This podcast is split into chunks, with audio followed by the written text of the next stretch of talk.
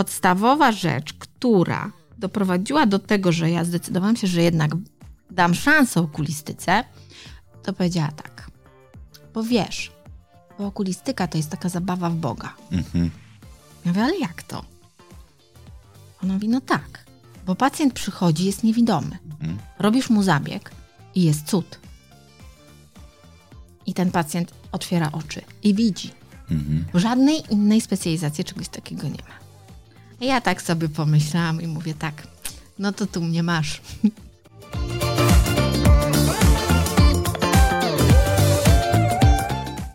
Szyłam go do godziny 7 rano. Dyżur się kończył o 8. E, ówczesna moja rezydentka, która mi asystowała, e, zasnęła mi w trakcie tego zabiegu. Nie dawała rady już. Zasnęła mi normalnie na siedząco przy stole operacyjnym.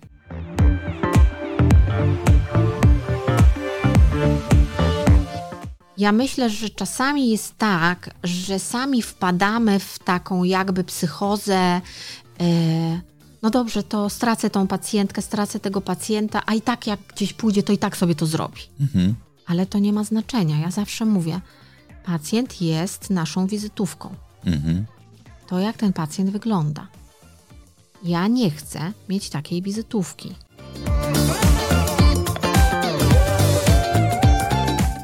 Dr Magdalena Korwin, okulista, okuloplastyk, specjalista chorób oczu, lekarz medycyny estetycznej. Zajmuje się chirurgią zaćmy, jaskry, przedniego odcinka oka, chirurgią plastyczną i rekonstrukcyjną powiek. Chirurgią oczodołów, zespołem suchego oka, w szczególności u pacjentów po przeszczepach szpiku. Jest członkinią Polskiego Towarzystwa Medycyny Estetycznej i Anti-Aging oraz Stowarzyszenia Lekarzy Dermatologów Estetycznych tylko mikrofragment rozbudowanego bio mojej dzisiejszej rozmówczyni. W jego dalszej części znajdziemy potężną ilość informacji o uzyskanych nagrodach, publikacjach czy posiadanych certyfikatach. Magdalenę poznałem jako trenerkę firmy Galderma, specjalizującą się w okolicy oka i środkowej części twarzy. Powaliła mnie wiedzą i niezwykłym sposobem jej przekazywania. Po tej rozmowie rozumiem już dlaczego dr Magdalena Korwin tak bardzo mnie inspiruje, bo oprócz wielkiego profesjonalizmu przepełnia ją pasja. Pasja do pracy z pacjentem. Dziękuję, że są tacy lekarze jak Magdalena. I dziękuję za tę rozmowę. Ona otworzyła mi oczy i pozwoliła zrozumieć, kto stoi za kampanią Męskość ma wiele twarzy. Projektem realizowanym wspólnie z Galderma Polska.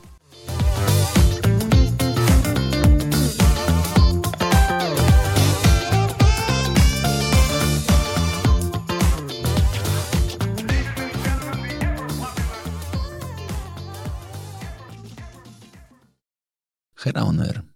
Wywiad rzeka z tymi, którzy płyną pod prąd. To odcinki i rozmowy o życiu na własnych zasadach. A dziś? Dziś trochę o łamaniu zasad w, no, można powiedzieć, chyba najbardziej tradycyjnej części nauki, czyli w medycynie. Czy można w tej działce pracować na własnych zasadach? Czy można iść pod prąd? Czy, czy w ogóle medycyna daje możliwość na to, żeby być krnąbrnym? Z jednej strony mam takie postacie jak dr House, który jakkolwiek jako postać fikcyjna pokazuje, że można naginać standardy. Chcielibyśmy, żeby szpitale funkcjonowały jak New Amsterdam, ale wiemy, że to tak nie działa. No właśnie. A jak to wygląda w Polsce? Jak to wygląda w Polsce z perspektywy bardzo trudnej specjalizacji, bo bardzo wrażliwej, delikatnej i małej? Magdalena Korwin, dzień dobry. Dzień dobry. Kim ty jesteś? Kim ja jestem? Mhm. Mm. Jestem lekarzem, mhm. okulistą, mhm. matką, mhm. e, Polką, um, kobietą niezależną, żyjącą na własnych zasadach. Mhm. Która rola definiuje cię najbardziej? Lekarka i matka. Mhm. I kobieta niezależna, to te trzy. To ja zacznę jednak, że ja, ja, bardzo chętnie porozmawiam o macierzyństwie w ogóle, bo to jest, no to jest temat w ogóle rodzicielstwa, który mnie bardzo interesuje zawsze. Ale ja bym chciał porozmawiać o byciu lekarką. Kiedy zdecydowałaś, że pójdziesz na medycynę? Jak miałam 6 lat. Jak to, jak, I miałeś, jak tak, miałeś 6 miałam lat? 6 lat i doszłam do wniosku, że zostanę lekarzem. Ale ty masz tradycje lekarskie w rodzinie? Mam e, w dalszej rodzinie lekarzy, natomiast dlaczego? Mhm. E, jestem jedynym dzieckiem moich rodziców. Mhm. E, od małego dziecka wiedziałam, że moja mama ma problemy z sercem. Mhm. I e, pamiętam to, że jak miałam 6 lat, to któryś ze, ktoś ze znajomych moich rodziców, moich rodziców zapytał się mnie, kim będziesz, jak dorośniesz. Mhm. No i ja wtedy powiedziałam, że będę lekarzem. Mhm. Dlaczego? Dlatego, żeby wyleczyć swoją mamę. Mhm. E, szczerze powiedziawszy, nie zmieniło mi się to przez następne lata i do dzisiaj i nie żałuję. Jest to najpiękniejszy zawód świata. Oczywiście kwestia wyboru specjalizacji zmieniała się, no bo na początku wszyscy myśleli, że skoro mam być lekarzem, który leczy serca, to będę po prostu kardiologiem bądź internistą. Natomiast ja od samego początku wiedziałam, że chcę być lekarzem, który ma specjalizację zabiegową. Mhm. Czyli ja musiałam robić coś rękoma. Moim pierwszym kolosalnym marzeniem było, była kardiochirurgia, ale to jeszcze zanim się dostałam na medycynę. Kardiochirurgia i oczywiście praca w Zabrzu i praca u profesora re- religii, którego później już jako dorosły lekarz miałam okazję poznać. Mhm. Em, natomiast e, zmieniało się tylko na tej zasadzie, że zmieniał się trochę wybór specjalizacji. E, ja jak poszłam na studia, to wiedziałam tylko to, że ja mam być lekarzem, który pracuje rękoma, w związku z tym e, ja na pierwszym roku studiów byłam takim nietypowym studentem, dlatego że ja jestem jeszcze takim rocznikiem, który jak studiował i miał pierwszy rok medycyny i na pierwszym roku medycyny zajęcia z anatomii, to a zajęcia z anatomii prawidłowej w anatomikum wyglądały tak, że każda grupa miała swoje zwłoki, czyli miała swój preparat. Ja miałam takie szczęście, że w mojej grupie nikt nie chciał tego preparatu preparować. W związku z tym mogłam się dorwać i ja sama opracowywałam preparat przez cały rok. I to było takie pierwsze spotkanie. Druga rzecz, no już wiedziałam, że na pewno będę coś z tym robić. To, co jest niezwykle ciekawe, to jednym, jednym z, z jedną z części, czy tam e, z zajęć na anatomii prawidłowej jest między innymi ośrodkowy układ nerwowy, mózg i, e, e, mózg i oczodoły. I co jest ciekawe, bo życie pisze takie bardzo dziwne scenariusze. Na tej samej sali, na której my mieliśmy, moja grupa miała zajęcia, to dzieliliśmy salę z grupą profesora Ciszka, który jest w tej chwili szefem Zakładu Anatomii Prawidłowej na WUMie, który jest neurochirurgiem. Mhm. E, on preparował dla swojej grupy swój preparat. I jak ja wypreparowałam oczodół, Mhm. to podszedł do mnie i powiedział mi tak. Mówi, posłuchaj, jestem pod wrażeniem, zrobiłaś to świetnie. Ja oczywiście nie miałam zielonego pojęcia o tym, że będę później okulistą i będę się tymi, akurat tym obszarem okulistyki między innymi zajmować, ale to jest bardzo, to jest takie dziwne. Życie pisze niesamowite scenariusze. Później jak poszłam, jak byłam na drugim roku, na drugim roku medycyny byłam na, na kółku anatomicznym i dostałam przez cały rok jako pracę taką bardzo nietypową pracę, a mianowicie miałam przeprowadzać badania i robić preparaty e, unaczynienia mięśnia mostkowo-obojczykowo-sutkowego. To jest taki jeden z dużych mięśni szyi. Ale nietypowo, bo nie na preparatach tak zwanych dorosłych, tylko na preparatach płodów. Mhm. Co oznacza, że wtedy musiałam to robić pod mikroskopem operacyjnym. Mhm. Nigdy nie myślałam o tym, że będę mikrochirurgiem. Wtedy po raz pierwszy preparowałam pod mikroskopem i używałam narzędzi mikrochirurgicznych. To później, te, te, to wszystko, co ja zrobiłam, to z kolei miało swój wydźwięk, dlatego że em, to był początek badań dotyczących właśnie unaczy, unaczynienie tego mięśnia jest niezwykle istotne dla szczególnie laryngologów i chirurgów szczękowo-twarzowych w tej chwili, szczególnie w onkologii, jak są bardzo duże ubytki w przypadku guzów i nowotworów e, podniebienia miękkiego i gardła, to dzięki temu uzyskuje się tak zwane płaty uszypułowane, czyli można fragment, bo ten mięsień składa się z trzech brzuźców i można jeden bądź dwa brzuźce tego mięśnia po prostu przesunąć i przełożyć i e, zrekonstruować podniebienie miękkie. To była druga rzecz. Kolejna rzecz była z kolei taka, że w tym czasie jeszcze poszłam na koło na fizjo, do zakładu fizjologii i w zakładzie fizjologii z kolei był chłopak, który był 4 lata ode mnie starszy, który współpracował z zakładem fizjologii w ramach jego e, pracy badawczej z, z katedry farmakologii, a mianowicie on badał e, badał efekt i działanie i potencjał działania leków przeciw, e, przeciwnadciśnieniowych w przypadku na, nadciśnienia naczyniowo-nerkowego u szczurów. Mhm. No więc ktoś musiał wywołać to nadciśnienie naczyniowo, naczyniowo-nerkowe. No i tak żeśmy się zgadali. Ja zaczęłam operować te szczury z nim na tej zasadzie, że po prostu wywoływaliśmy nadciśnienie poprzez koagulację naczyń nadnerczowych. No chodziło o to, żeby rozkroić tego szczura, e, wywołać to, skoagulować naczynia, zamknąć brzuch, no i żeby ten szczur żył. Mhm. No bo on miał dostać te leki. To to była druga rzecz. A później, no później cały czas wiedziałam, że może nie ta kardiochirurgia, bo jednak to jest strasznie ciężka specjalizacja dla kobiet. Oczywiście to nie chodzi o to, że kobiety nie mogą być kardiochirurgami, mhm. ale ja jestem dosyć mała i drobna i myślę, że bym fizycznie po prostu nie dała rady tego mhm. zrobić. E, kolejnym etapem takim, że się zastanawiałam, co mam robić, była przez moment była ginekologia, która jest bardzo zabiegową mhm. specjalizacją, która mi się bardzo podobała, ale był taki moment, i to było, to jest, to jest koniec studiów, gdzie mieliśmy um, medycynę sądową. Mhm. Ja naprawdę do okulistyki doszłam bardzo okrężną drogą. E, I na zajęciach z medycyny sądowej akurat tak się złożyło, że e, przez te dwa tygodnie zajęć kiedyś było tak, że trzeba było się, każda grupa była przydzielona do określonego asystenta, trzeba było się podzielić na, na w pary i każda para codziennie musiała wykonać samodzielnie sekcję zwłok. Ja e, akurat wtedy byłam w grupie ze swoim ówczesnym mężem. Ja się zgłosiłam od razu, mówię, idziemy w dwójkę, idziemy jako pierwsi. Mhm. E, zrobiliśmy to tak, że no, ja zrobiłam całą sekcję, bo zaczęliśmy od obdukcji i asystent tak się na mnie patrzył, mówi, a kobieta z mężczyzną, no to pewnie dziewczyna wymięknie.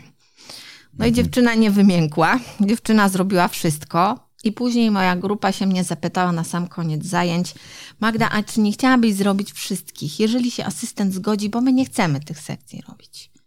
Ja mówię, dobra, no to jeżeli się asystent zgodzi, to ja mogę robić. No i przez dwa tygodnie robiłam. Bardzo mi się to podobało. Zresztą przyjaciel moich rodziców e, jest patomorfologiem, był szefem patomorfologii w Radomiu. E, no ja paru patomorfologów znałam.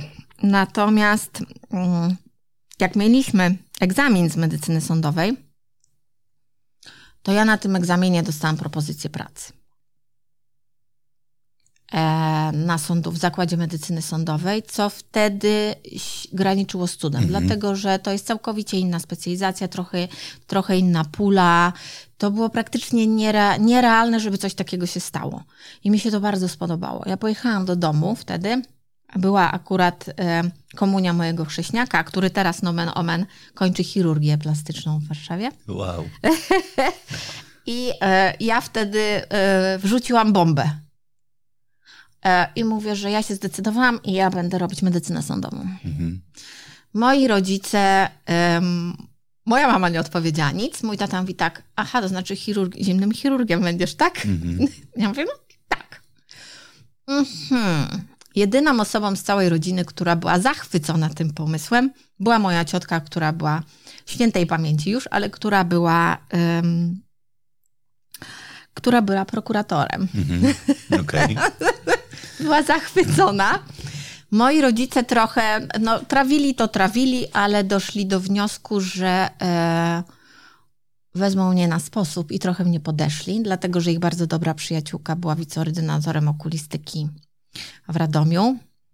E, przyjaciel moich rodziców był również okulistą i bardzo dobry znajomy i przyjaciel moich rodziców był ordynatorem okulistyki w Radomiu. I co zrobili moi rodzice? I moi rodzice uknuli plan. Plan polegał na tym, że mówią tak, no dobrze, to jak tą specjalizację chcesz robić, nie ma problemu, ale wiesz, może byś poszła tak na tą okulistykę na dwa tygodnie, sobie pooglądała, jak to wygląda. Ja mówię, dobrze, no poszłam, poasystowałam do zabiegów, bardzo fajnie, bardzo fajne zabiegi. No ale mówię tak, no dobra, no może nic takiego nadzwyczajnego na razie. Mhm. No i... E, Przyjaciółka moich rodziców mnie poprosiła, mówi, wiesz co, no ja teraz mam dyżur, to chodź sobie usiądziemy i porozmawiamy. Ja mówię, no dobrze. No i ona do mnie tak, a no słyszałam, że tą sądówkę chcesz robić, że to jest no tak w sumie to takie niesamowite i ciekawe i dostałaś propozycję pracy. Ja mówię, no tak, taka byłam bardzo dumna. Mhm. Ona mówi tak, wiesz, ale no skoro chcesz być ja w jakimś tam sensie zabiegowcem, to ta okulistyka jest bardzo przyjemna i ciekawa. Ja mówię, tak, a dlaczego? No wiesz, no głównie to to, że standardowo pacjenci nie umierają. Mhm. No i rzeczywiście tak jest. Jest to niezwykle rzadkie, jeżeli pacjent umiera na okulistyce. Ja mówię, no dobra, okej. Okay. No wiesz, z reguły dyżury nie są takie zabójcze. Mhm. Nie do końca tak jest. Ja miałam przez całe swoje życie zawodowe, do, dopóki dyżurowałam, a dyżurowałam jako szef dyżuru jeszcze do niedawna, miałam duże szczęście do tego, żeby jednak operować bardzo dużo w trakcie mhm. dyżurów. No ale sprawiało mi to frajdę, no więc to nie był jakiś taki, nie, nie był to problem. I mówi tak, no i wiesz, i to jest też taka specjalizacja, że możesz sobie jakoś w miarę sensownie poradzić prywatnie, będziesz niezależna, możesz jakieś sensowne pieniądze zarobić. Ja mówię, no dobrze, okej, okay, ale to nie było to. Podstawowa rzecz, która doprowadziła do tego, że ja zdecydowałam się, że jednak dam szansę okulistyce, to powiedziała tak, bo wiesz, bo okulistyka to jest taka zabawa w Boga. Mhm. Ja mówię, ale jak to? Ona mówi, no tak, bo pacjent przychodzi, jest niewidomy. Mhm. Robisz mu zabieg i jest cud. I ten pacjent otwiera oczy i widzi. Mhm. Żadnej innej specjalizacji czegoś takiego nie ma. A ja tak sobie pomyślałam i mówię tak, no to tu mnie masz. e, mówię, dobra, to jak się dostanę, to idę. Mhm. I tak to się zaczęło. I dlatego jestem okulistą. Mhm. Nietypowym bo zajmuje się nie tylko chirurgią przedniego odcinka, czyli tam operacjami zaćmy, e, operacjami przeciwjaskrowymi, zajmuje się okuloplastyką i rekonstrukcją środkowej części twarzy i tymi oczodołami, mhm. które na mnie w pewnym momencie też przez przypadek na tej okulistyce trafiły. Bo kiedyś przyszedł pacjent do poradni ogólnej pod tytułem guz oczodołu, prośba o diagnostykę i ewentualne leczenie i mhm. nikt go nie chciał obejrzeć. Ja mówię tak, no dobra, to spróbujemy. Ja miałam jeszcze ogromne szczęście do tego, że e, moim pierwszym szefem był profesor Jerzy Szaflik, mhm. który jest e, genialnym okulistą i genialnym operatorem i e, niesamowitym człowiekiem, dlatego że ja miałam ogromne szczęście, bo jak ja sobie coś wymyśliłam, że w tej okulistyce chcę robić i szłam do niego i się go pytałam, czy mogę, mhm to mi nigdy nie odmówił. Jak sobie wymyśliłam te oczodoły i poszłam, mówię, panie profesorze, bo ja bym chciała te oczodoły robić i odbarczenia, ja mówię, chciałabym iść na kursy, ja te kursy już mam, ale czy pan profesor mi pozwoli na nie iść? Powiedział tak, oczywiście. Oczywiście możesz. Teraz moim szefem jest jego syn, czyli profesor Jacek Szaflik, z którym byliśmy razem na roku. Mhm. I jest dokładnie tak samo. Jeżeli coś sobie wymyślę, to jest kolosalna szansa na to, że się zgodzi. Także ja miałam ogromne szczęście w życiu. Ja chciał się zatrzymać na tym byciu Bogiem. A mianowicie ty dotknęłaś bardzo ważnej rzeczy. Znaczy, pracujesz na, na zmysłach. Tak? Jednym z dominujących zmysłów, czyli zmysł, zmysł wzroku, tak. który no właśnie, jak, ja w ogóle nie wziąłem pod uwagę tego aspektu, o którym ty powiedziałaś, czyli o sytuacji, że nie widzi, robisz operację i widzi. Ja myślałem bardziej o sytuacji wypadkowej. Tak? Znaczy, że jestem w stanie sobie wyobrazić, jak w dowolnym wypadku mam uszkodzoną rękę i mam uszkodzony wzrok, to stres przy ręce i przy wzroku jest nieporównywalny. Jak chyba, że jestem pianistą, to jest inna historia, ale dla większości ludzi walka o wzrok jest moim zdaniem jedną z największych walk, które toczymy. No, chyba, żebyś poszła w tym kierunku pierwotnym, czyli jednakże kardiochirurgii, czyli, czyli, czyli Tak. walki po prostu o, o, o, serce. To znaczy tak, dla, według mnie e, najgorszym rodzajem upośledzenia, czyli deprywacji sensorycznej Mhm. jako takiej jest ślepota. Mhm. Myślę, że nawet osoba, która nie słyszy, e, zdecydowanie lepsze i więcej bodźcowania zewnętrznego jest ze strony narządu wzroku niż na jakichkolwiek Mhm. innych. Mhm. I jest to na pewno straszne. Mhm. E, I e, ja sobie, znaczy tak, ja operuję bardzo dużo. E, operuję codziennie. I e, najgorszym powikłaniem, jakie może mieć okulista jako mikrochirurg i Mhm. osoba operująca oko, to jest coś, co się nazywa krwotok wypierający. To jest sytuacja taka, że dochodzi do, e, to parę czynników się na to musi składać. Tam oczywiście z reguły wiek pacjenta, choroby towarzyszące, choroby naczyniowo-sercowe, miażdżyca, tendencja do skoków ciśnienia tętniczego i jak to wszystko się na siebie nałoży, e, to po prostu wnętrze oka wywala się na zewnątrz Mhm. e, w ciągu sekund. I pacjent nie widzi potem. I Mhm. tak naprawdę nic nie jesteśmy w stanie z tym zrobić. Jedyne, co można zrobić, to po prostu natychmiast zaszywa się oko i zamyka się oko i modlimy się. Mhm. E, wszystko, co robimy, i to każdy, każda specjalność medyczna, lekarska, jest związana i obarczona z, ryzykami, z ryzykiem jakichś powikłań. Mhm. Zawsze tak jest. Bo e, jeżeli ktoś mówi, że nie, ktoś, kto jest lekarzem, i to nieważne jakiej specjalności, jeżeli mówi, że nie ma powikłań, to po pierwsze albo kłamie, Mhm. albo po prostu nic nie robi. Mhm. No bo powikłań nie ma ten, który nic nie robi. Jest kwestią tego e, jakości operatora i jakości lekarza e, i jakość operatora i jakość lekarza e, charakteryzuje nie to, czy ma powikłania, bo każdy z nas je ma, Mhm. Tylko e, jak potrafi z tych powikłań wyjść Mhm. i co w efekcie jest na końcu, czyli jaki jest ten wynik końcowy dla pacjenta. Funkcjonalny, estetyczny, każdy. Mhm. W związku z tym bardzo często pacjenci nawet sobie nie zdają sprawy z tego, że coś tam w trakcie zabiegu mogło się zadziać, bo operator miał na tyle dużo doświadczenia Mhm. i e, wiedzy i umiejętności, że po prostu wybrnął z tego całkowicie, całkowicie bez śladu. To daje nam siwe włosy. Mhm. E, ja, e, ja miałam krwotok wypierający jeden. E, szacuje się, że każdy mikrochirurg w swoim życiu zawodowym ma dwa. Mhm. Mnie się wydaje, że jestem osobą, która w sumie dobrze sobie radzi ze stresem i mnie rodzice, ponieważ byłam jedynaczką, to mnie mój tata głównie. Moja mama do końca tak nie. Ale mój tata wychowywał mnie zawsze mówiąc, że pamiętaj, jesteś jedynaczką, mamy małą rodzinę. Nieważne jak ci się potoczy życie i ułoży, musisz być niezależna i samodzielna. E, jednocześnie mówił mi też, i myśl, to było cudowne, bo ja to mówię teraz swojej młodszej córce, e, nie ma rzeczy niemożliwych. Mhm. Sky is the limit. Mhm. Jest tylko kwestia tego, jak bardzo czegoś chcesz, e, ile czasu będziesz musiała na to poświęcić i jak dużo pracy będziesz musiała w to włożyć.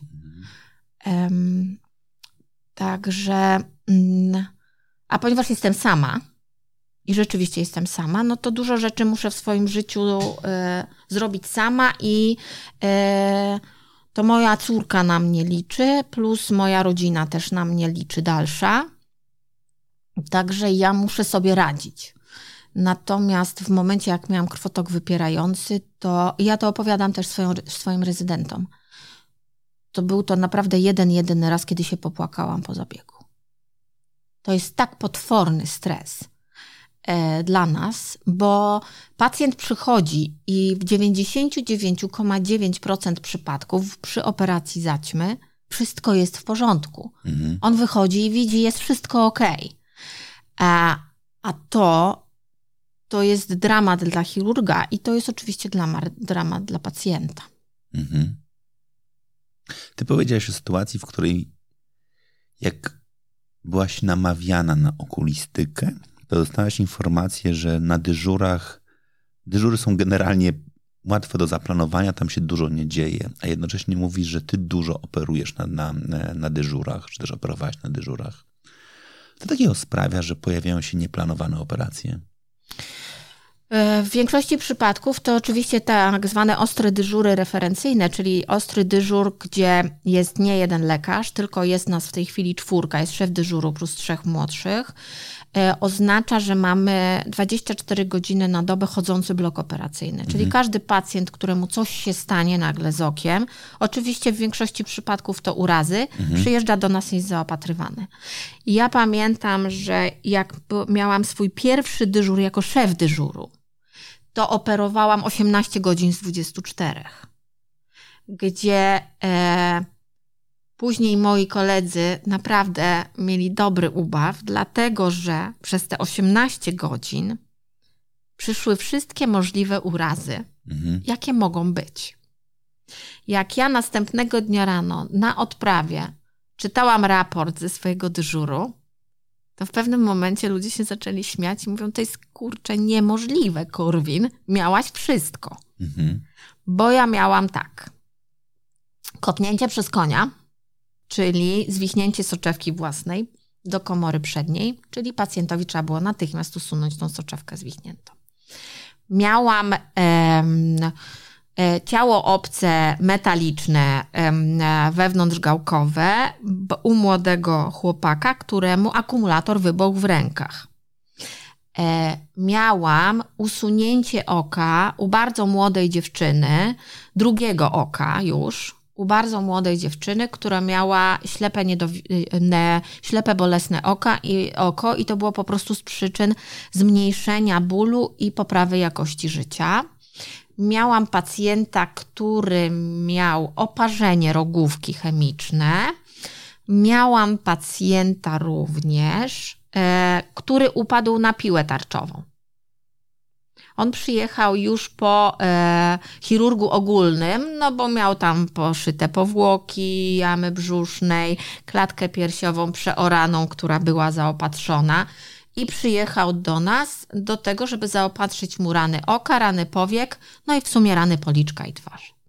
Szyłam go do godziny 7 rano, dyżur się kończył o 8. E, ówczesna moja rezydentka, która mi asystowała, e, zasnęła mi w trakcie tego zabiegu. Nie dawała rady już. Zasnęła mi normalnie na siedząco przy stole operacyjnym. Wiesz co, to zaśnięcie przy stole operacyjnym jest y, dowodem, jak bardzo wycieńczający jest to zawód. Natomiast jak zaczęłaś wymieniać, to to sobie zacząłem uświadamiać, że faktycznie chyba taki mózg nie lekarza w ogóle nie obejmuje ilości możliwych zdarzeń, które mogą się wydarzyć. Jak, jak ty mówiłaś, że wydarzyły się wszystkie możliwe rzeczy, to ja jedyną historię, którą znam z, oczo, z, z chirurgią oka, to jak kiedyś z kolegami wpadliśmy na pomysł, żeby jeździć motocyklem czy motocyklami po zamkniętej autostradzie. I kolega powiedział, że było tak fajnie, miał otwarty kask i ponieważ to było nieotwarte jeszcze autostrada, tam było bardzo dużo piasku i on jechał za drugim. No i niestety całe te drobne opiłki, też ten, ten, ten żwirek mu się po prostu powbijał w, e, w oczy. I, I to była właśnie jedyna historia, kiedy ja umiałem powiedzieć, dobra, byliśmy totalnie głupi, nigdy więcej bez e, zamkniętej przyłbicy, czy też bez zamkniętego kasku nie będziemy jeździć. Okej, okay, dobra, rozumiemy to. W życiu bym nie wpadł na to, że można mieć poparzone chemicznie oko, że można wybuchnąć akumulator w ręku i uszkodzić oko, że kącie może kopnąć i uszkodzić oko. Czy my w ogóle, teraz pytam zupełnie trochę tak wprost perspektywy jakby społeczeństwa, mamy jakikolwiek program edukacyjny chroni oczy w rozumieniu ej, myśl. Oko jest bardzo wrażliwe. Zacznę, zacznę od prostych rzeczy, czyli latem noś okulary słoneczne ale myślą, myśląc o takich elementach naprawdę świadomych, czyli BHP, czyli naprawdę zakładaj te okulary. I czy, bo ja sobie myślę teraz z perspektywy zawodowej, ja dość, dość często odwiedzam zakłady pracy, często też takie w, e, produkcyjne i tam na bramie oczywiście zawsze mi każą mi zakładać okulary ochronne, ja kompletnie nie rozumiem, po co oni to robią. Mi się zawsze wydaje, że to jest głupie, po czym przechodzę przez bramę, przez strażnika, w sumie dobra, dobra, już nie widzi, możesz schować do kieszeni, jest okej. Okay. Nie chowaj. No właśnie teraz, teraz, teraz po, po, tym, co po, po, tym, co powiedziałaś, nie, nie chowaj. Znaczy, tak, ta ilość, ilość zdarzeń jest jakaś chyba gigantyczna, no. Tak. Ilość zdarzeń jest gigantyczna i y, ja pracuję już ponad 20 lat. Był taki moment, że mi się wydawało, że już widziałam wszystko. Absolutnie nie. Teraz mhm. już tak nie mówię. Mhm. E, tak różne rzeczy mogą się wydarzyć i można mieć albo ogromne szczęście, albo kolosalnego pecha w życiu. E, że coś się może takiego stać, że możemy jedno oko bądź obydwoje oczu stracić. E, istnieje coś takiego, jest tak zwany program e, Widzę, słyszę. Mhm. Ale jest to program stricte i to jest program z, na, w kooperacji dwóch towarzystw, Polskiego Towarzystwa Okulistycznego E, i Polskiego Towarzystwa Otolaryngologów, a w szczególności, i to zapoczątkował pan profesor Jerzy Szaflik i profesor Skarżyński. E, dzięki temu są między innymi e, i w porozumieniu z Fundacją WOŚP są te przesiewowe badania słuchu u niemowląt i u, u noworodków, bo to stricte u noworodków. Natomiast ta część pod tytułem widzę jest związana już z kolei z tak zwaną diagnostyką przesiewową, ale już u osób dorosłych e, jaskry, czyli choroby, która jest okulistycznej, która jest bardzo podstępna, bo ona w większości nie boli, natomiast człowiek ślepnie mhm. i nawet sobie nie zdaje z tego sprawy. Natomiast i są światowe i Światowe Dni Jaskry co roku e, w marcu, to jest pierwszy tydzień, pierwszy tydzień marca. E, w tej chwili dodatkowo, no w tym roku w ogóle Wielka Orkiestra Świątecznej Pomocy była związana właśnie z chorobami oczu z, e, u, u małych dzieci, u niemowląt. Natomiast no zasady BHP wszystkich obowiązują i wszyscy wiedzą, że należy, że należy w zakładach pracy, szczególnie na budowach albo gdziekolwiek, gdzie cokolwiek może się zdarzyć, trzeba chodzić w kasku i trzeba chodzić w okularach ochronnych. E, no, od wielu lat jest taki program świadomości dotyczący, e, dotyczący zwyrodnienia plamki związanego z wiekiem, czyli EMD, które dotyka osób dorosłych powyżej 45 roku życia. Natomiast więcej raczej nie. To, to, to, co też jest bardzo istotne, to o czym się mówi już od paru dobrych lat na świecie w ogóle, to jest tak zwana epidemia krótkowzroczności wśród dzieci. Czyli jest coraz więcej, coraz większy odsetek populacyjny wśród dzieci i młodych, e, i młodych ludzi, E, postępującej krótkowzroczności, czyli wady wzroku. Mhm. E, w tej chwili całe szczęście to zaczy... pandemia to przyspieszyła, dlatego że ta długa ilość pracy z bliska na jedną odległość, ten zakaz wychodzenia z domu, lockdowny spowodował to, że rzeczywiście jest skok w ilości rozpoznawanej krótkowzroczności u dzieci. Natomiast pojawiły się całe szczęście nowe rodzaje soczewek okularowych, które tak zwane mają smarty, które mają za zadanie w określony sposób bodźcować obwód siatkówki do tego, żeby, żeby ta krótkowzroczność nie postępowała. E, pojawiły się soczewki kontaktowe miękkie, które też tak zwane dają rozogniskowanie na obwodzie, czyli to jest też takie jakby bodźcowanie do gałki, żeby nie rosła, bo krótkowzroczność charakteryzuje się tym, że jest tak jakby za długie oko w wymiarze przedniotylnym. I e, szczególnie u dzieci, jak dzieci, jak dzieci rosną, i e, u małego dziecka, jeżeli się zdiagnozuje krótkowzroczność, to jest większa szansa na to, że ta krótkowzroczność będzie się pogłębiać, dlatego że cały jego organizm rośnie. Mhm. Skoro rośnie cały, to i to oko też będzie rosło, w związku z tym ono, skoro wyjściowo już jest trochę za długie, to będzie dłuższe. Dlatego wszystko to, co się robi, to jest właśnie to, żeby mu, to, to jest edukacja, którą prowadzimy my okuliści rodzic, u rodziców i u dzieci, że nawet jeżeli te dzieci, no jesteśmy w tej chwili e, cywilizacją, która jest cywilizacją głównie siedzącą i pracującą na małą, wzrokowo na małą odległość i przez mhm. bardzo długi okres czasu. To, co jest niezwykle istotne u dzieci, to trzeba pamiętać i ja to zawsze powtarzam rodzicom, że oglądanie z tableta, smartfona bądź praca wzrokowa niezwiązana z, z lekcjami swoimi, mhm. to jest maksyma, maksymalnie 45 minut dziennie. Mhm. Po to, żeby nie indukować skurczu akomodacji i tego, żeby nie bodźcować w rozwoju, rozwoju krótkowzroczności.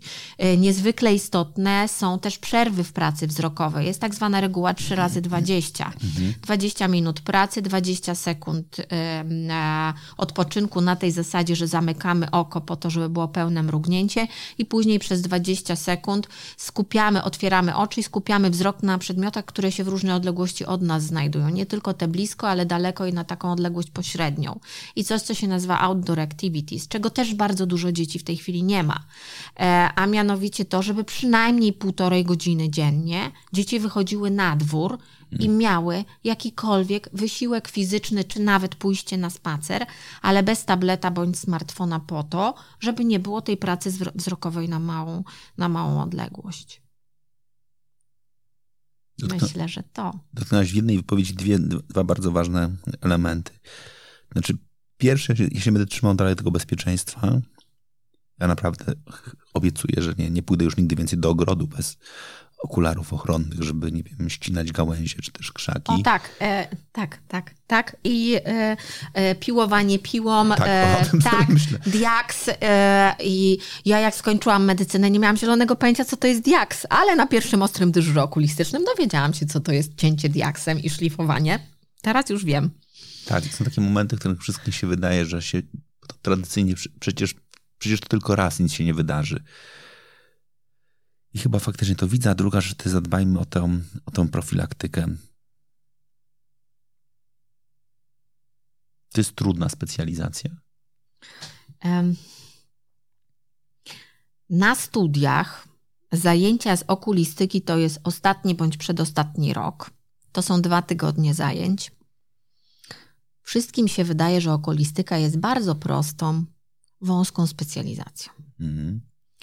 E, ja zawsze powtarzam, że e, neurolodzy mówią o okulistach tak. My, jako neurolodzy, zajmujemy się całym ośrodkowym układem nerwowym, a wy, okuliści, zajmujecie się tylko okiem i nerwem wzrokowym, czyli jego wypustką. Aczkolwiek niezwykle ważną. Mhm. Natomiast e, jest to bardzo szeroka specjalizacja, dlatego że jest to specjalizacja, która zahacza o medycynę e, wewnętrzną, o mhm. internę, dlatego że bardzo dużo chorób, hematologię, bardzo dużo chorób ogólnych ma swoje manifestacje oczne. Zahacza o dermatologię, o choroby reumatoidalne, o choroby autoimmunologiczne, o endokrynologię, neurologię i neurochirurgię, chirurgię szczękowo-twarzową to czasami ja, ja zawsze mówię tak, pokaż mi twoje oko, powiem ci, kim jesteś. I nie mówię tu o byciu irydologiem. Mhm.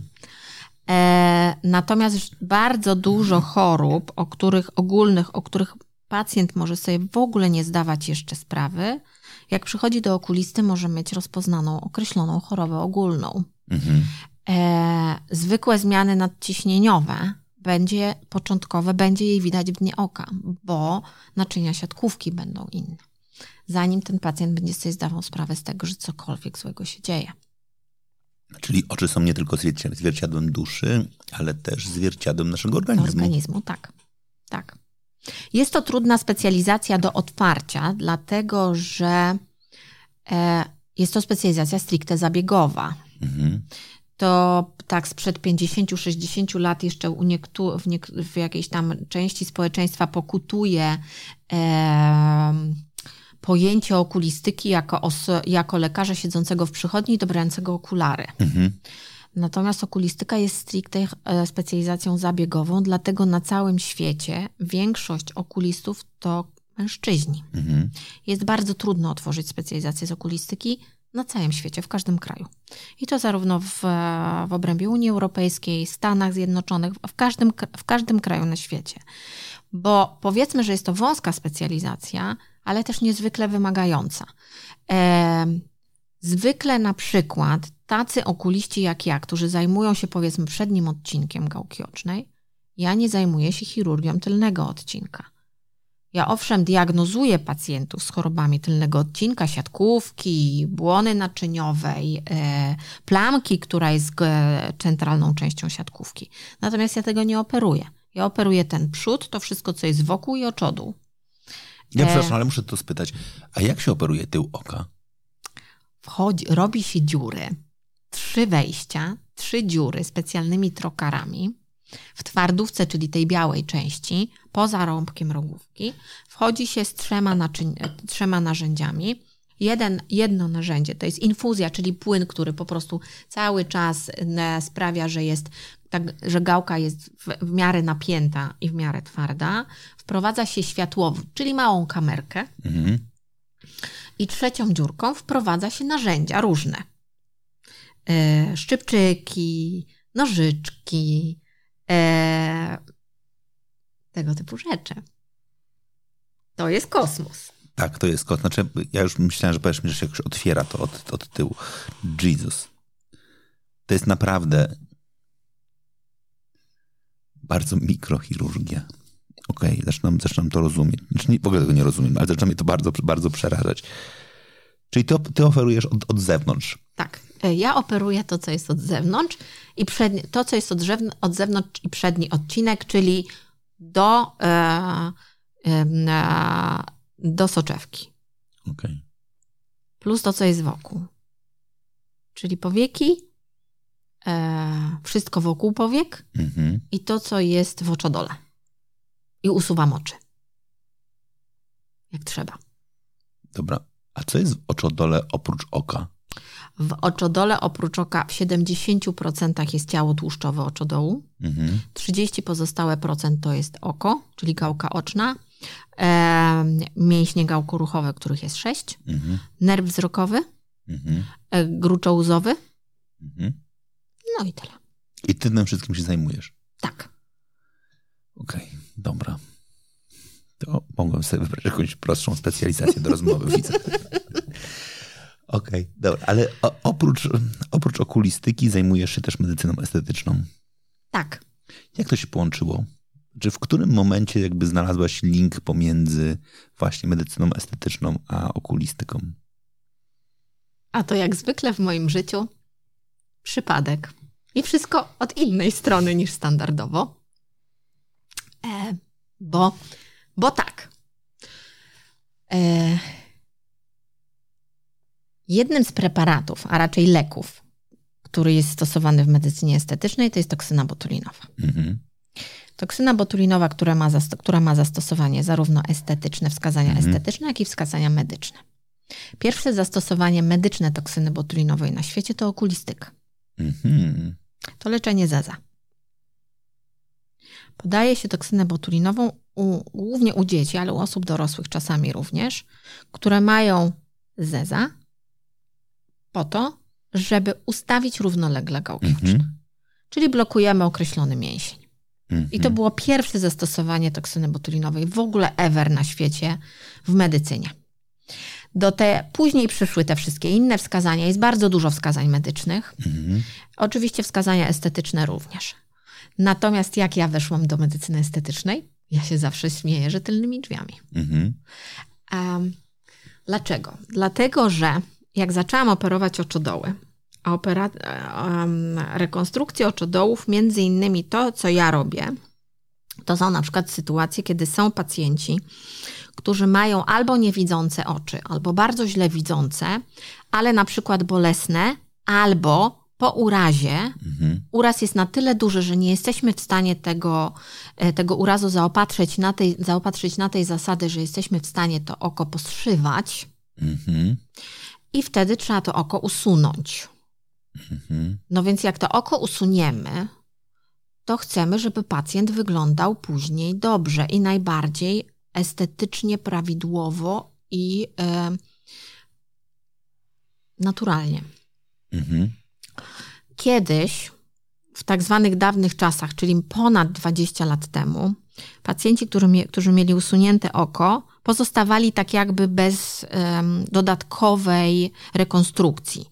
To znaczy mieli te dobierane przez protetyków protezy. To są takie dosyć grube wkładki, które imitują oko. Mhm. Natomiast ta całe wnętrze oczodołu, oprócz ciała tłuszczowego, który, tego tłuszczu, który zostawał, no to oka nie było. W związku mhm. z tym z czasem dochodziło, i zawsze tak jest, że dochodzi do duży, dużego zaniku e, tkanek miękkich w obrębie oczodołu. E, ci pacjenci wyglądają asymetrycznie, wyglądają e, gorzej. Widać, że tego oka nie mają. E, z czasem... Czyli nawet jeżeli mają protezę oka, to i tak jakby dookoła ona wygląda tak, źle. to wygląda nie tak, jakbyśmy chcieli. E, I od pewnego czasu e, można robić cuda. Mhm. A te cuda polegają na tym, że w momencie, jak się usuwa oko, to jeżeli to w 90% przypadków, jeżeli jest to tak zwane usunięcie oka planowe, mhm. to się jednoczasowo wszczepia implant oczodołowy, czyli taką kulkę, którą się indywidualnie dobiera do oczodołu i do danego pacjenta, bo chcemy, żeby miał dokładnie praktycznie taki sam wymiar jak oko, które usuwamy. Mhm. Do tego ten implant jest pokryty, jeżeli usuwamy gałkę oczną w całości, czyli robimy coś, co się nazywa enuklację, jest pokryty taką specjalną siateczką i do tej siateczki się doszywa te mięśnie, które się odcina od oka. Mhm. Dzięki czemu, jak to wszystko później się wygoi, to jest to ruchome. Mhm. Dzięki temu, że wszczepiamy tą kulkę, nie mamy ubytku tkanek w obrębie oczodołu. Mhm. Dopiero na samym końcu, jak to wszystko nam się wygoi, to wtedy pacjent idzie do protetyka, nie do lekarza, idzie do protetyka, który robi tak zwaną protezę gałki ocznej, mhm. a to jest tak zwana epiproteza, czyli nakładka, która imituje oko. Mhm. Która jest dobierana dokładnie tak, żeby była jak najbardziej zbliżona do tego drugiego oka, żeby wyglądało to jak najbardziej naturalnie. Ja e, muszę się przyznać, bo, ale to moi znajomi wiedzą i moi rezydenci też wiedzą, że ja w swojej torbie, w swojej małej kosmetyczce noszę przykładowe epiprotezy. Okay. Noszę je między innymi dlatego, że jak na przykład mam pacjenta, któremu mówię, jak to będzie wyglądać, to żeby wiedział, że ja wtedy mu jestem w stanie pokazać, jak wygląda taka przykładowa epiproteza. Jeżeli tego pacjenta się zaprotezuje od razu, to później jak on się wygoi, to wszystko jest ruchome i naprawdę jest bardzo ciężko e, się zorientować, że on nie ma oka. Mhm. To jest, e, ja już pomijam kwestie funkcjonalne dla tego pacjenta. E, to jest kolosalna e, rzecz pod względem estetycznym, jak również psychologicznym. Psychologicznym. Mhm. Usunięcie oka jest kolosalnie traumatyczne. Mhm. To znaczy, e, e, jedyni, jedyna grupa pacjentów, która e, jest od razu zadowolona z tego, z tego rodzaju zabiegu operacyjnego, który jest, nie, nie oszukujmy się, jest zabiegiem okaleczającym. Mhm. Usuwamy narząd. Mhm. To jedyna grupa pacjentów, która bardzo dobrze to znosi i która odczuwa kolosalne, kolosalną poprawę jakości życia, to są pacjenci, którzy żyją przez długi czas z bólem. Mhm. Bóle zanikowe gałki ocznej są straszne. To są pacjenci, którzy są na e, bardzo wysokich dawkach leków przeciwbólowych, łącznie z opiatami. E, natomiast co jest niesamowite, to w momencie jak w trakcie zabiegu operacyjnego e, usunięcie oka polega między innymi na tym, że się przecina nerw wzrokowy, tak? No bo mhm. trzeba to oko wyjąć z oczodołu. W momencie przecięcia nerwu wzrokowego ból mija natychmiast. I jest koniec. I nie ma tego bólu. Na to, także to jest ta grupa osób, która po prostu wtedy oddycha pełną piersią i ma poprawę jakości życia natychmiast. Mhm. Natomiast u pozostałych pacjentów, e, no to to jest bardzo okaleczający zabieg. Dlatego mnie chodzi o to, żeby ci pacjenci jak najszybciej i jak najlepiej wyglądali. Mhm. Żeby się ze sobą czuli dobrze, a żeby nie, nie czuli się wyautowani tak mhm. tak jakby poza społeczeństwo. Bo nawet jak to społeczeństwo tego nie zauważa, to oni, oni mają kolosalne kompleksy i stres związany z tym, o Boże, jak ktoś zauważy, albo o matko, jak ktoś się mnie zapyta, to co ja mu wtedy powiem. Mhm. E, I Szczególnie, że jesteśmy kulturowo nauczeni, że budując dobre relacje, patrzymy komuś tak, w oczy. patrzymy w oczy. I teraz nagle okazuje się, że to oko, które jest inne, przykuwa w nienaturalny sposób uwagę. Tak, tak. E, I czasami jest tak, że jeżeli przez długi czas to oko, które było niewidzące i było w oczodole, z reguły jest okiem zanikowym, czyli jest mniejsze, zdeformowane, zniekształcone. Ponieważ ono jest też mniejsze, to już wtedy zachodzą zmiany wstecznie w obrębie oczodołu i tłuszczu oczodołowego i tam dochodzi do zaników. W związku z tym ja w pewnym momencie, jak zaczęłam takich pacjentów operować, plus dodatkowo pacjentów, którzy na przykład 30 albo 40 lat wcześniej mieli usunięte oko i mają ogromne zmiany wsteczne i ich rekonstruować, te zabiegi są zdecydowanie trudniejsze, dłuższe. To są pacjenci, którzy czasami wymagają kilku zabiegów operacyjnych, bo te tkanki całkiem inaczej odpowiadają na jakiekolwiek zabiegi to ja w pewnym momencie doszłam do wniosku, że nawet pomimo tego, że większa, większość pacjentów była bardzo zadowolona z efektu końcowego, mhm. estetycznego i funkcjonalnego, to mnie czegoś brakowało. Mhm. I ponieważ mnie czegoś brakowało, to zaczęłam się zastanawiać, co ja mogę zrobić, żeby to jeszcze poprawić. Mhm. E, no i dlatego medycyna estetyczna, bo ja po prostu weszłam w medycynę estetyczną z rekonstrukcji. Mhm. I ja zaczęłam na przykład stosować wypełniacze z kwasu hialuronowego, który standardowo w 99,9% stosuje się po to, żeby wypełnić zmarszczki, unieść tkanki, um, odtworzyć proporcje twarzy. E, ja zaczęłam stosować po to, żeby odtworzyć oczodu i to wszystko, co jest wokół. Po to, żeby, ten pacjent, żeby ci pacjenci wyglądali lepiej. Ja tak weszłam do medycyny estetycznej.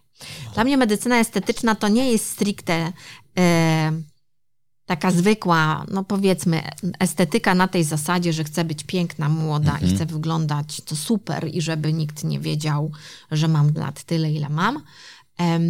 Dla mnie medycyna estetyczna jest medycyną funkcjonalno-regeneracyjną. Mhm. To jest całkiem co innego.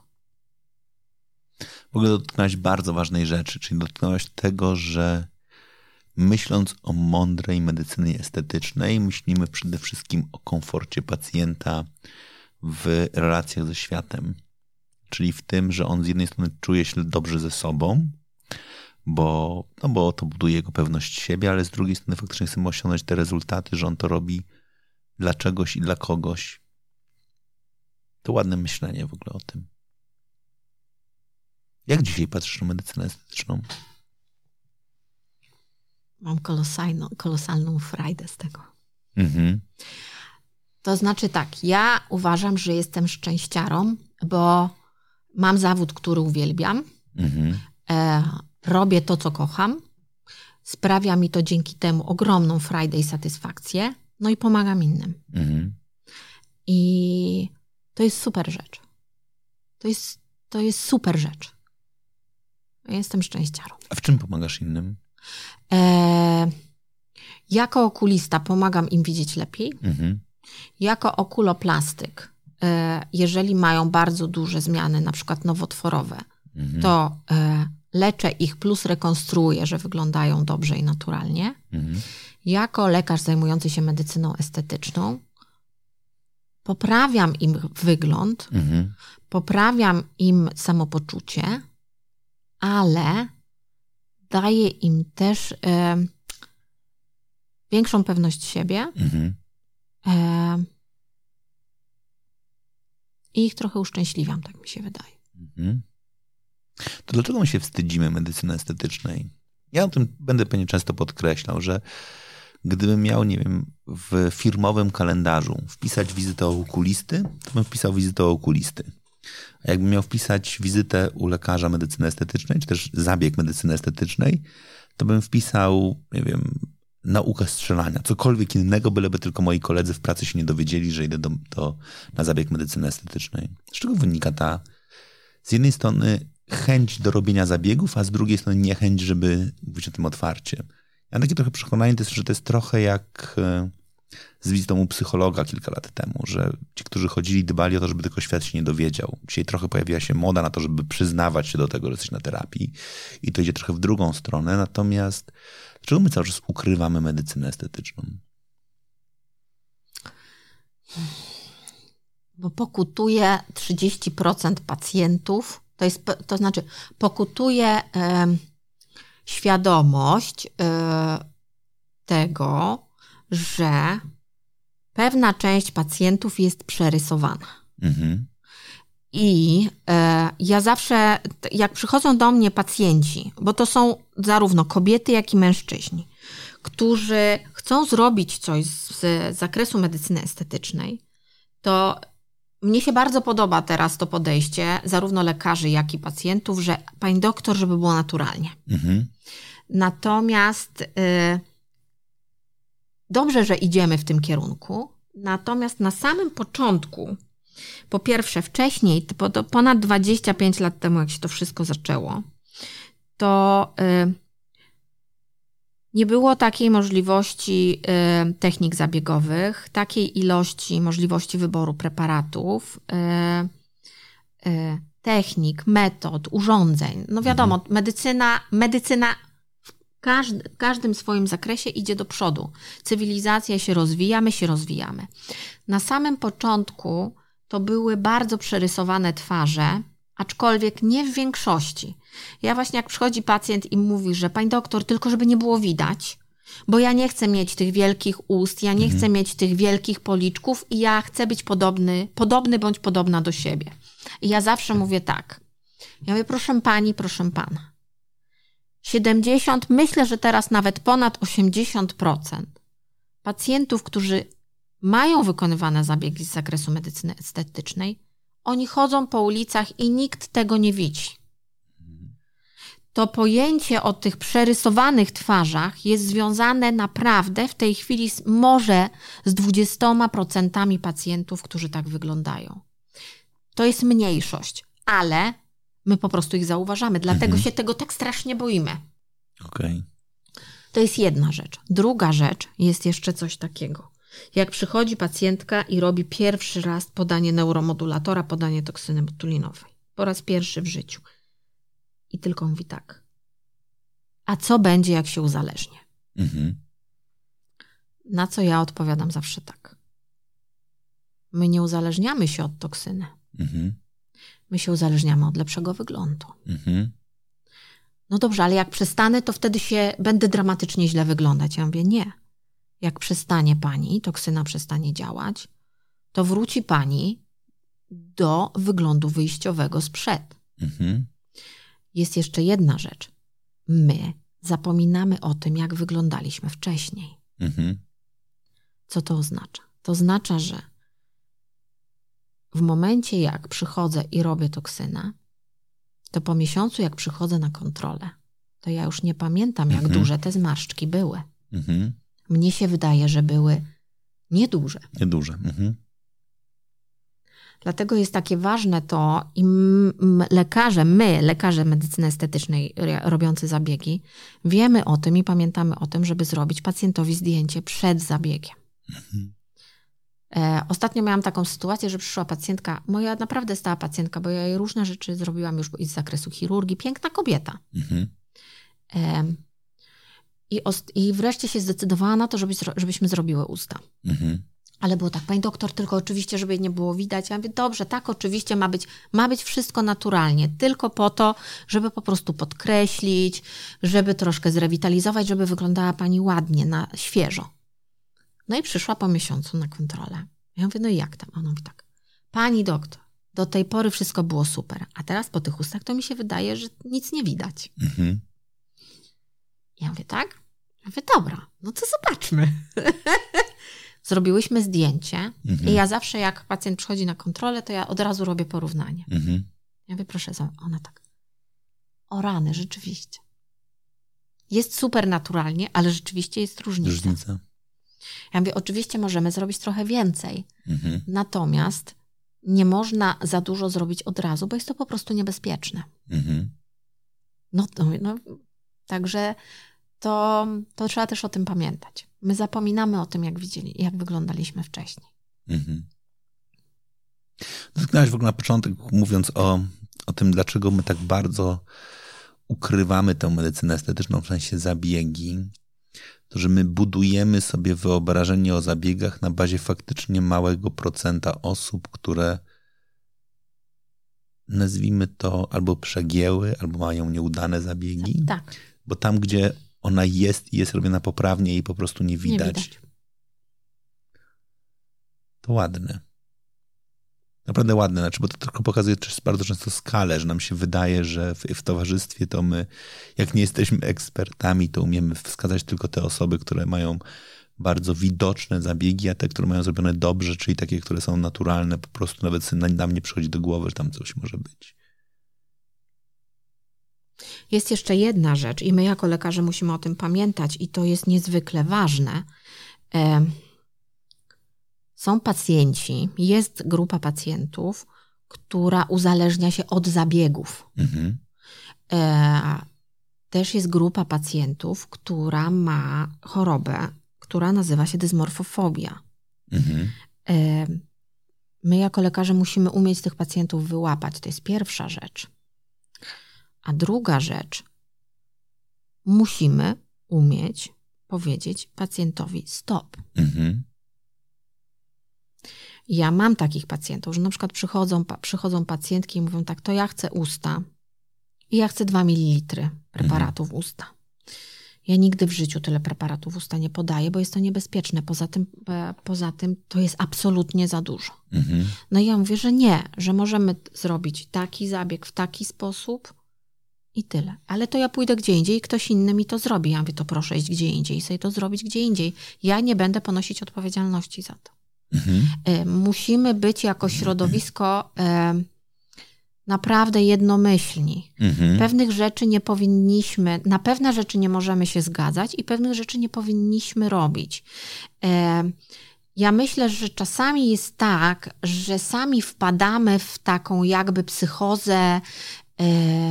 No dobrze, to stracę tą pacjentkę, stracę tego pacjenta, a i tak jak gdzieś pójdzie, to i tak sobie to zrobi. Mhm ale to nie ma znaczenia. Ja zawsze mówię, pacjent jest naszą wizytówką. Mhm. To jak ten pacjent wygląda. Ja nie chcę mieć takiej wizytówki. A jednocześnie, jak myślę sobie, żebyśmy spojrzeli jednakże z perspektywy podstawowej specjalizacji, którą lekarze mają, to bardzo często jest tak, że jak jesteś okulistą, to byś nie zrobił tego, co pacjent sobie wymyślił, że chce, albo jak jesteś internistą, to byś nie podał mu leków takich, jak on po prostu sobie chce. Tak. I w tej prawdziwej, jakby tej pierwszej naszej specjalizacji bez problemu mówimy pacjentom nie, bo takie są zalecenia, a w estetyce godzimy się na tą presję wywieraną przez pacjenta tylko dlatego, że mówi, że on dziś pójdzie gdzieś indziej. To niebywałe. Tak. A i to, się powin, I to się powinno zmienić. Ja myślę, że to zaczyna się zmieniać, ale jeszcze jest chyba długa droga przed nami. Eee, no ale między innymi dlatego, że nie tylko my robimy te zabiegi, tak? Mhm. My jako lekarze jesteśmy do tego predys predysponowani i mamy prawo mhm. wykonywać takie zabiegi, a nie lekarze również przeprowadzają te zabiegi, a nie mogą tego robić i nie są do tego uprawnieni to ja bym chciał o tym porozmawiać. Dlaczego zabieg medycyny estetycznej powinien być wykonywany w gabinecie lekarskim przez lekarza? Dlatego ja już pomijam podanie toksyny botulinowej, która jest lekiem. Mhm. W związku z tym absolutnie lek może podawać tylko lekarz. Mhm. I to jest e, out of the question. E, wszystkie inne zabiegi są związane również z naruszeniem ciągłości powłok, mhm. z naruszeniem ciągłości skóry, z podaniem substancji pod skórę. Mhm. Tylko lekarz ma prawo to zrobić. Mhm. W związku z tym to jest pierwsza rzecz. Tylko my, jako lekarze, mamy prawo naruszyć ciągłość i, poda i podać jakąś substancję pod skórę, bądź jeszcze głębiej, mhm. tak? Bo są oczywiście preparaty i techniki, gdzie się podaje preparaty zdecydowanie głębiej, bo pod mięsień, na kość, mhm. różne rzeczy robimy. To jest jedna rzecz. A druga rzecz, my, jako lekarze, mamy wiedzę i prawo do tego, żeby ewentualnie radzić sobie i leczyć powikłania. Mhm. I my mamy taką wiedzę i nikt inny. Na dzień dzisiejszy to my jesteśmy w stanie wypisywać wszystkie leki jako lekarze mhm. i e, przeprowadzać proces terapeutyczny. Nikt inny. Owszem, w tej chwili weszły nowe przepisy, że e, część leków, ale tylko na zlecenie lekarza, mhm. może wypisać pielęgniarka, ale pod nadzorem lekarza. Mhm. I koniec. Nikt inny. I pielęgniarka nie ma prawa leczyć pacjenta. Mhm. My leczymy, my coś podajemy, my przeprowadzamy proces jakiś leczniczy bądź terapeutyczny, zabiegowy. W związku z tym my mamy obowiązek również leczyć jakiekolwiek powikłania bądź działania niepożądane.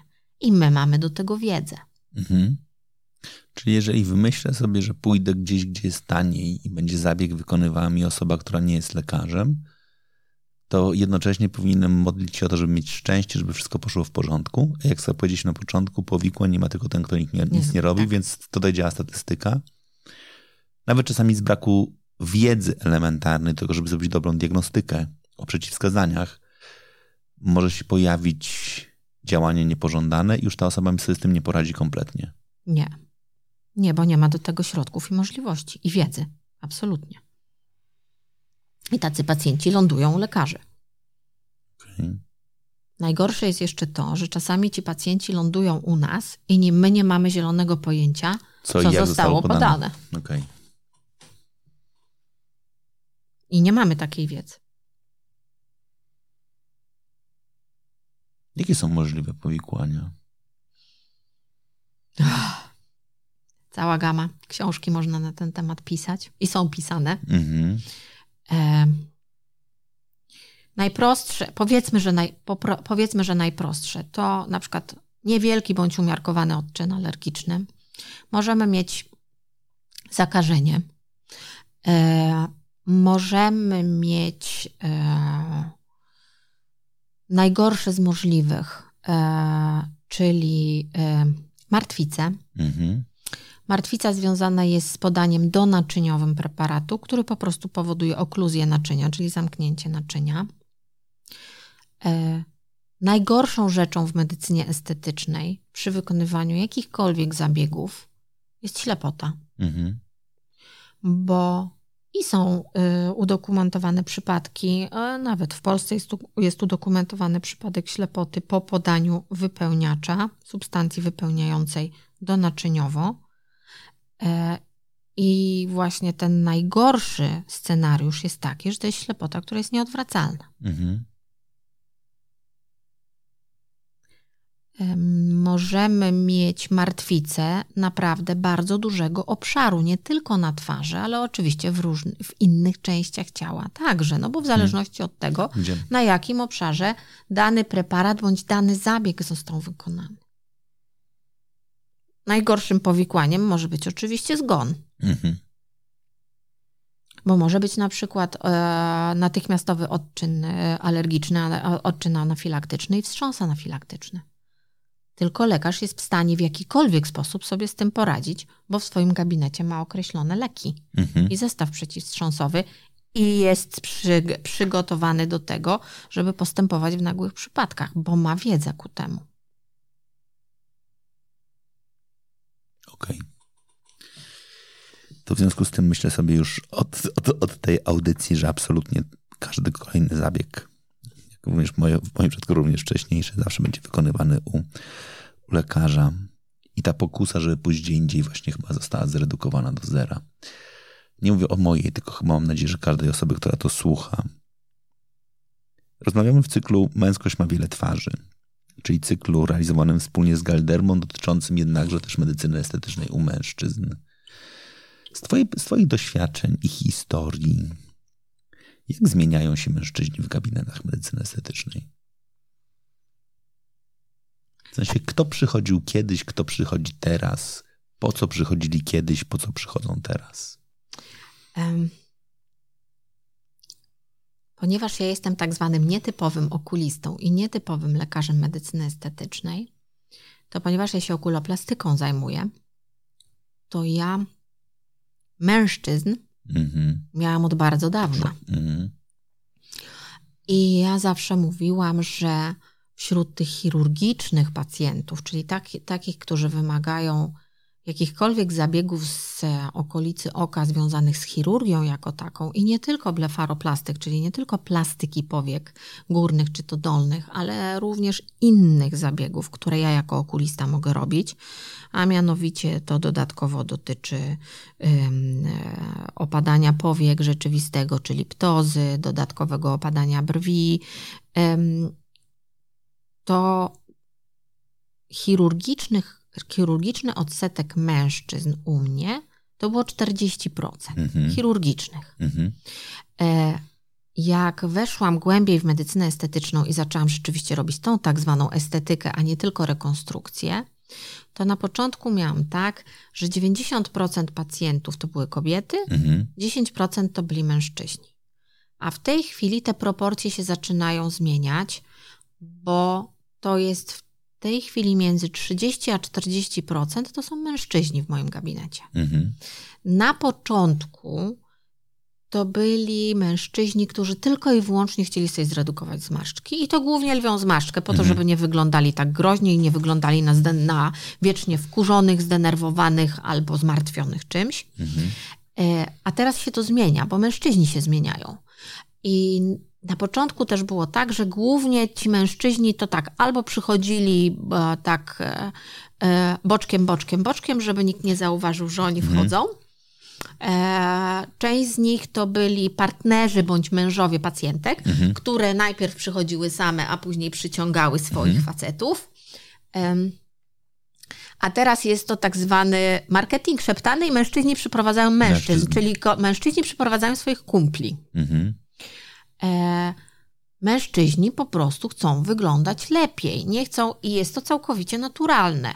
Kobiety chcą wyglądać lepiej, mężczyźni chcą wyglądać lepiej. Też nie chcą być przerysowani, mhm. też chcą wyglądać naturalnie. E, chcą wyglądać na bardziej zrelaksowanych. Zauważają, e, zauważają już nie tylko zmarszczki, ale zauważają to, że zaczyna się im wiotkość skóry, e, że tekstura skóry im się na przykład zmienia. Zaczyna ich to e, może nie tyle denerwować, ale zaczyna im to przeszkadzać. Mhm. Także i myślę, że to jest taki trend, który, który jest jak najbardziej logiczny, naturalny i taki powinien być. To się zaczęło, myślę, że pewnie 10-15 lat temu, jak ja, ja pamiętam, jak jeszcze 20 lat temu wydawało mi się, że mężczyzna, który przychodzi na pedicure i manicure, to jest ewenement. Mhm. To się zaczęło zmieniać. Mhm. I teraz to już jest żaden tak zwany obciach i mężczyźni mhm. też dba, dbają o swoje dłonie i o swoje stopy. Mhm. Później mężczyźni zaczęli dbać o swoją skórę na tej zasadzie, że y, to już nie było tylko krem do golenia, czy tam pianka do golenia i płyn po goleniu i koniec. Mhm.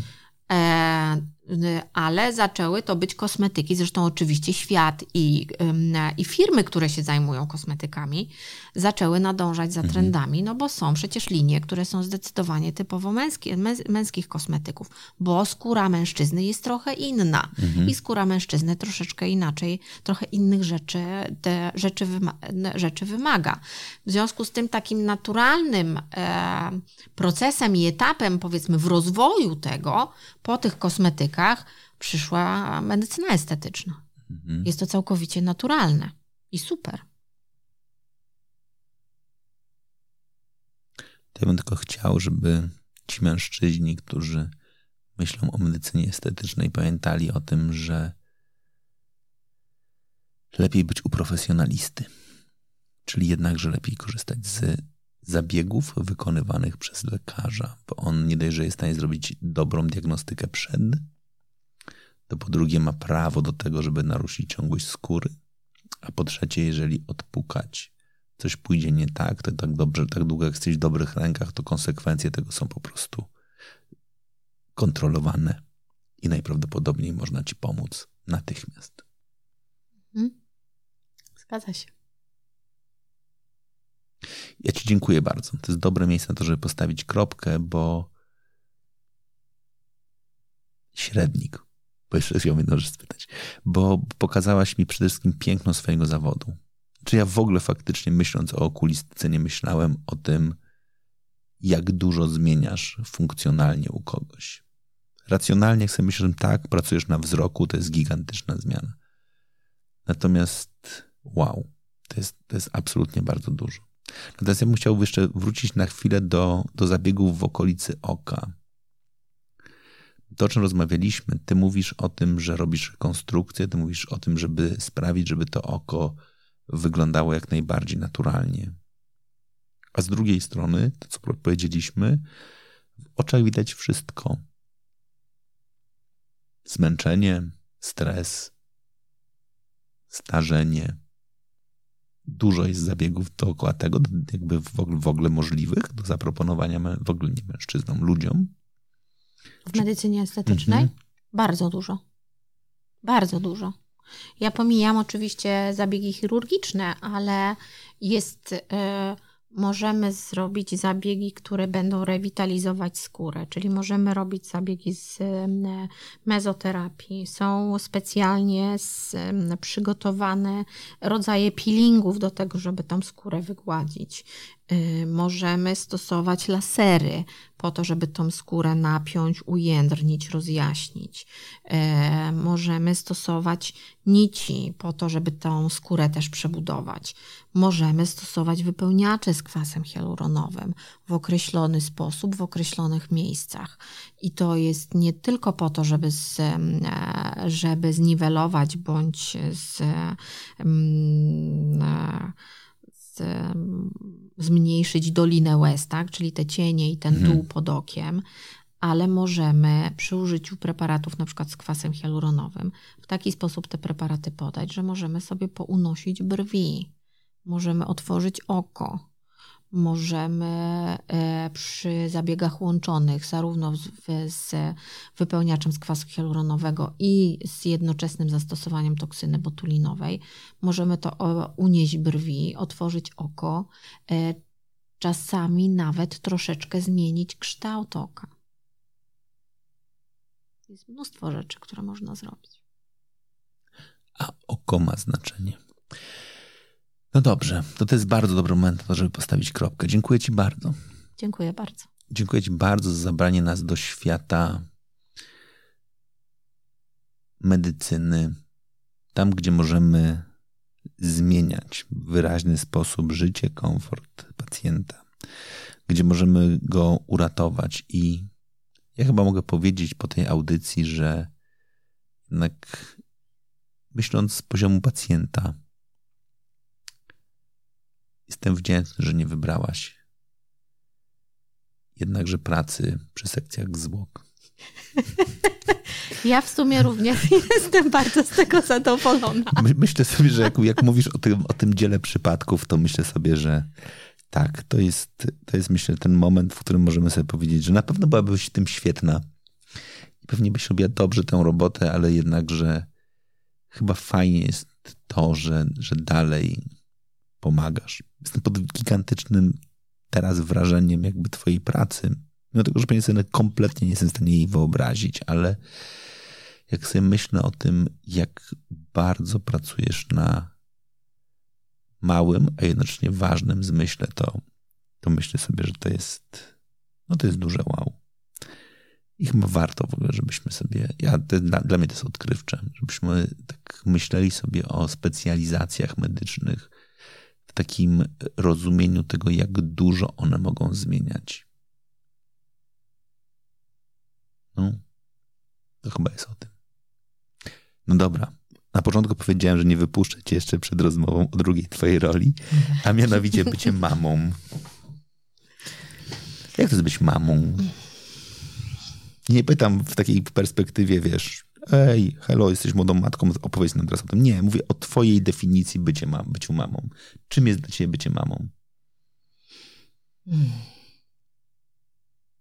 Matką zostałam po raz pierwszy, jak miałam 22 lata. Mhm. Mam prawie 26-letnią córkę, mhm. która skończyła medycynę. I obecnie zaczyna specjalizację z ginekologii i położnictwa. Eee, i mam 15-letnią córkę, bo drugi raz zostałam mamą, jak miałam 33 lata. Mhm. No to jest wyzwanie. Bycie mamą jest wyzwanie, a bycie samotną mamą to jest takie dubeltowe wyzwanie. Aczkolwiek e, To jest niesamowita sprawa. Mhm. Moja młodsza córka w tej chwili, 15-letnia, jest właśnie świeżo po egzaminach do liceum. Powiedziała, że będzie okulistą. Jestem zachwycona. Wow. Zobaczymy, czy rzeczywiście tak będzie. Aczkolwiek ja, mm, ponieważ jestem sama i ponieważ jestem lekarzem i bardzo dużo pracuję, to y, cały czas zdaję sobie sprawę z tego, że na pewno za, za, za mało mnie jest w domu i za mało mhm. jestem z moją w tej chwili młodszą córką. Mhm. Że, y, że po prostu jest mnie za mało. Ale takie, y, tak wygląda moje życie i nie byłam w stanie tego w jakikolwiek inny sposób zmienić. Natomiast zawsze staram się, jak już, je, jak już mam ten czas, to żebyśmy ten czas spędzały razem. I żeby moja córka, moja Marysia, miała jak najfajniejsze wspomnienia. Hmm. Janna Brodzi kiedyś powiedziała w tej audycji jedno z moich ulubionych zdań, a mianowicie powiedziała, że duży rodzic, czy też wielki rodzic rzuca długi cień. To jest moim zdaniem coś, co mi bardzo mocno jakby spowodowało, że inaczej patrzę też na swoje ojcostwo. Jak radzisz sobie z tym, żeby nie zacienić, nie przyćmić swoich córek, jeżeli no, starsza kończy medycynę? Ja zawsze powtarzam, że y, myślę, że powtarzam dokładnie to samo, co mój tata. Bo ja zawsze powtarzam, że y, ja je kocham najbardziej na świecie. Mhm. Że y, chcę, żeby były szczęśliwe. Mhm. Co oznacza, że y, jeżeli rzeczywiście chcą być lekarzami, to ja nie będę na to wpływać, bo jest to taki zawód, to jest bardzo wymagający zawód. To jest zawód, który wymaga bardzo dużo wyrzeczeń, właśnie takich związanych z domem. Mhm i z, i z najbliższymi. W związku z tym, żeby być dobrym lekarzem i żeby mieć z tego satysfakcję i żeby jakoś starać się dzie, um, sensownie rozplanować swoje życie na tej zasadzie, żeby być nie tylko lekarzem, tylko jeszcze kimś innym, między innymi rodzicem, to po prostu trzeba bardzo chcieć być lekarzem, mhm. a nie pójść na medycynę tylko dlatego, że ktoś od, e, ktoś od ciebie od tego wymaga albo tego oczekuje. To nie jest dobry wybór wtedy, bo to się mści. Mhm. Dlatego e, ja zawsze mogę pomóc mhm. i nauczyć tego, co ja sama umiem. To jest wtedy trochę łatwiej. Krzywa uczenia jest trochę fajniejsza niż jak się trzeba mhm. samemu dochrapać do wielu rzeczy, e, ale to musi być ich wybór. Inaczej to nie, nie zagra. I ja im też zawsze powtarzam, że są bardzo mądre, mhm. są bardzo inteligentne, są mądrzejsze ode mnie, bo ja tak uważam. Mhm. I nie ma rzeczy niemożliwych. I marzenia są po to, żeby je spełniać, dlatego trzeba te marzenia mieć. Mhm. Wiesz co, ja dość dużo siedzę w sporcie i w sporcie bardzo często jest tak, że dzieci profesjonalnych zawodników nie chcą być profesjonalnymi zawodnikami. Znaczy, że jak widziały karierę swoich rodziców, widziały to, że rodziców bardzo często nie ma w domu, że są na zgrupowaniach, że łączenie rodzicielstwa z uprawianiem sportu wcale nie jest takie łatwe, to to drugie pokolenie nie chce. Później najczęściej wnuki chcą, bo oni z kolei już słyszą tylko legendę o babci lub o dziadku, którzy byli zawodnikami, którzy byli nie wiem, olimpijczykami i wtedy też marzą być jak, jak oni. I myślę sobie, że jeżeli w tym wszystkim, przy Twoim podejściu do pracy, przy pracy na dyżurach, przy ratowaniu wzroku ludzi, Twoje dzieci chcą iść tym śladem, to ja myślę sobie, że w tym wszystkim zrobiłaś coś dobrze. Znaczy, że, że pokazałaś na tyle inspirujące piękno tego zawodu, że oni chcą w tym kierunku pójść. I myślę sobie, że nawet jeżeli czasem mówisz, że było ci za mało, to myślę też, że było wystarczająco dużo, żeby myśleli, że chcemy być jak mama. To myślę, że to jest fajne. Nawet jeżeli to zrobią na swoich zasadach, nawet jeżeli to zrobią po swojemu, to zrobiłaś jedną bardzo ważną rzecz, a mianowicie nie, nie spowodowałaś, że mają żal do medycyny o to, że mamy było mniej. To piękne. Może masz rację. Dziękuję Ci bardzo za tę rozmowę. A Wam bardzo dziękuję, że byliście tutaj razem z nami. Zachęćcie swoich, o, o swoich znajomych do tego, żeby posłuchali tej audycji, bo, bo myślę, że warto. Myślę, że warto głównie po to, żeby spojrzeć inaczej trochę na pracę lekarza, która w Polsce, no moim zdaniem też jest różnie nie tylko finansowana i doceniana finansowo, ale również różnie postrzegana. Ja myślę, że my często myślimy o lekarzach, że nam się należy i oni muszą nam pomóc, a myślę sobie, że Magdalena pokazała, że oni mogą, chcą przede wszystkim. I to nie jest z musu, tylko to jest z pewnego rodzaju przekonania, że po to mam te umiejętności, żeby z nich korzystać. Dziękuję. Bardzo dziękuję. I ja jeszcze dziękuję bardzo firmie Galderma, oczywiście wspólnie z którą realizujemy ten projekt, czyli Męskość ma wiele twarzy. Do usłyszenia w kolejnym odcinku. Mm-hmm.